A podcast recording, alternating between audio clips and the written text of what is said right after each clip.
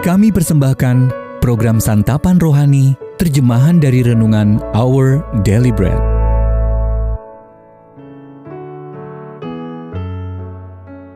Sahabat ODB, pembacaan Alkitab hari ini terambil dari Lukas pasal yang ke-23, ayat yang ke-49 sampai dengan ayat yang ke-56.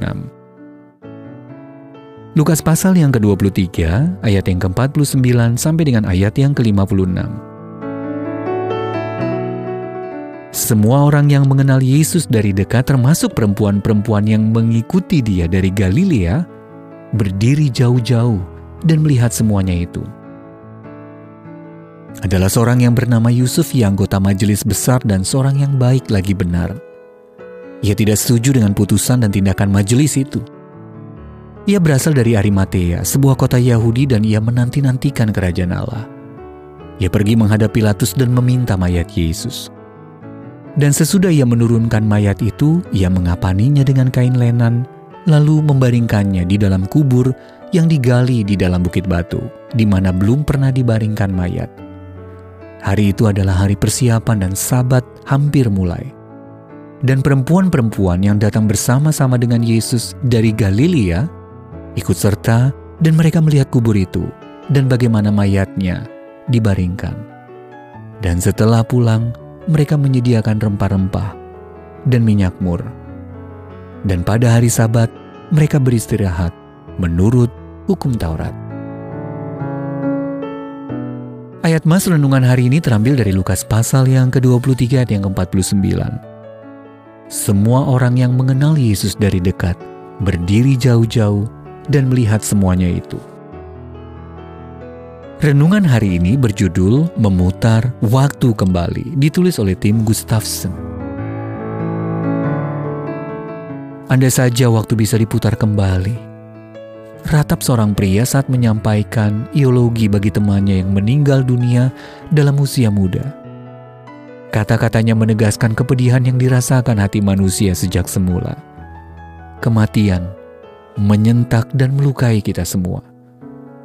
Rasanya ingin sekali bisa membalikan apa yang tidak bisa kita ubah. Keinginan untuk memutar waktu kembali juga menggambarkan perasaan para pengikut Yesus setelah kematiannya. Meski tidak banyak bercerita tentang saat-saat mengerikan tersebut, kitab-kitab Injil mencatat perbuatan sejumlah kecil sahabat Yesus yang setia. Yusuf seorang pemuka agama yang diam-diam percaya kepada Yesus, kita bisa lihat dalam Yohanes pasal yang ke-19 ayat yang ke-38, tiba-tiba memberanikan diri untuk meminta mayat Yesus dari Pilatus.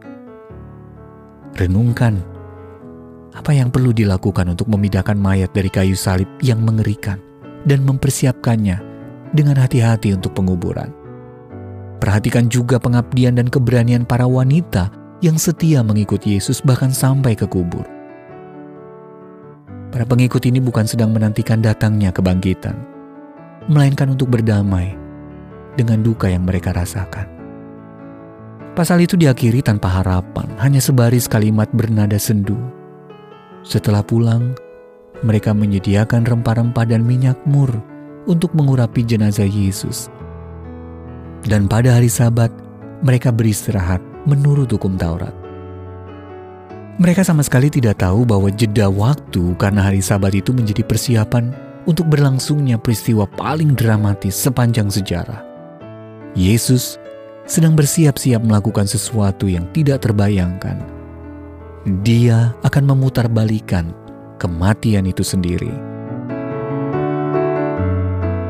Sahabat ODB, ke mana Anda mencari penghiburan ketika hal-hal yang sangat buruk terjadi?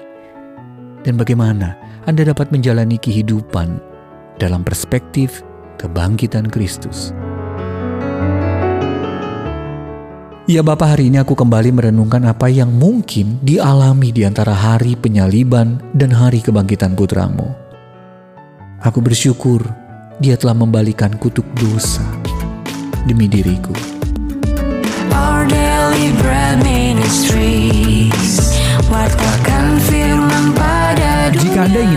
mendapatkan buku renungan ini dalam bahasa Indonesia, Inggris, atau Mandarin, WhatsApp kami di 0878 7878 9978 atau kirimkan email Anda ke indonesia@odb.org.